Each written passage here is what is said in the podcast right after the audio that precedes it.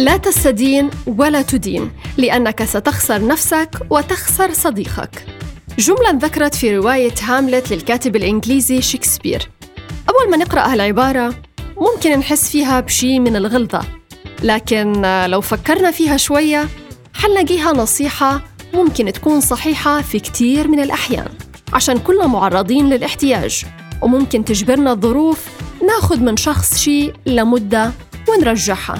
لكن مهم نسأل أنفسنا شوية أسئلة قبل ما نقرر نستلف أو نستعير حاجة من غيرنا هل الشخص هذا عنده رغبة إنه يسلفنا أو يقرضنا حاجته ولا لا؟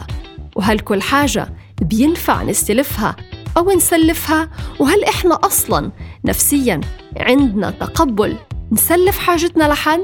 لهيك خلونا نحكي اليوم بشوية قواعد وأصول للسلف والدين علشان ما نحرج حد ولا حدا يحرجنا بالبداية لازم نعرف حدنا باستعارة الأشياء فالأدوات الشخصية والمجوهرات والسيارة والملابس الخاصة أشياء ممنوع نطلبها. ولو أنت مش حابب تعطي الطرف الآخر أغراضك فعبر عن تحفظك على أشيائك بكل لطف.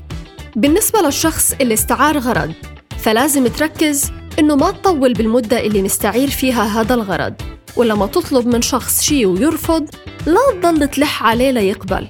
ولما تقترض شي ما تعطيه لشخص غيرك لأنه صاحب الغرض أقرضك أنت مش حد تاني.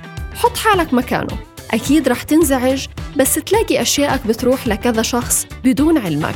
بالختام في حالة تلف الغرض لازم تعوض الشخص عن الضرر وتعتذر. ولا تنسى شكره على لطفه معك.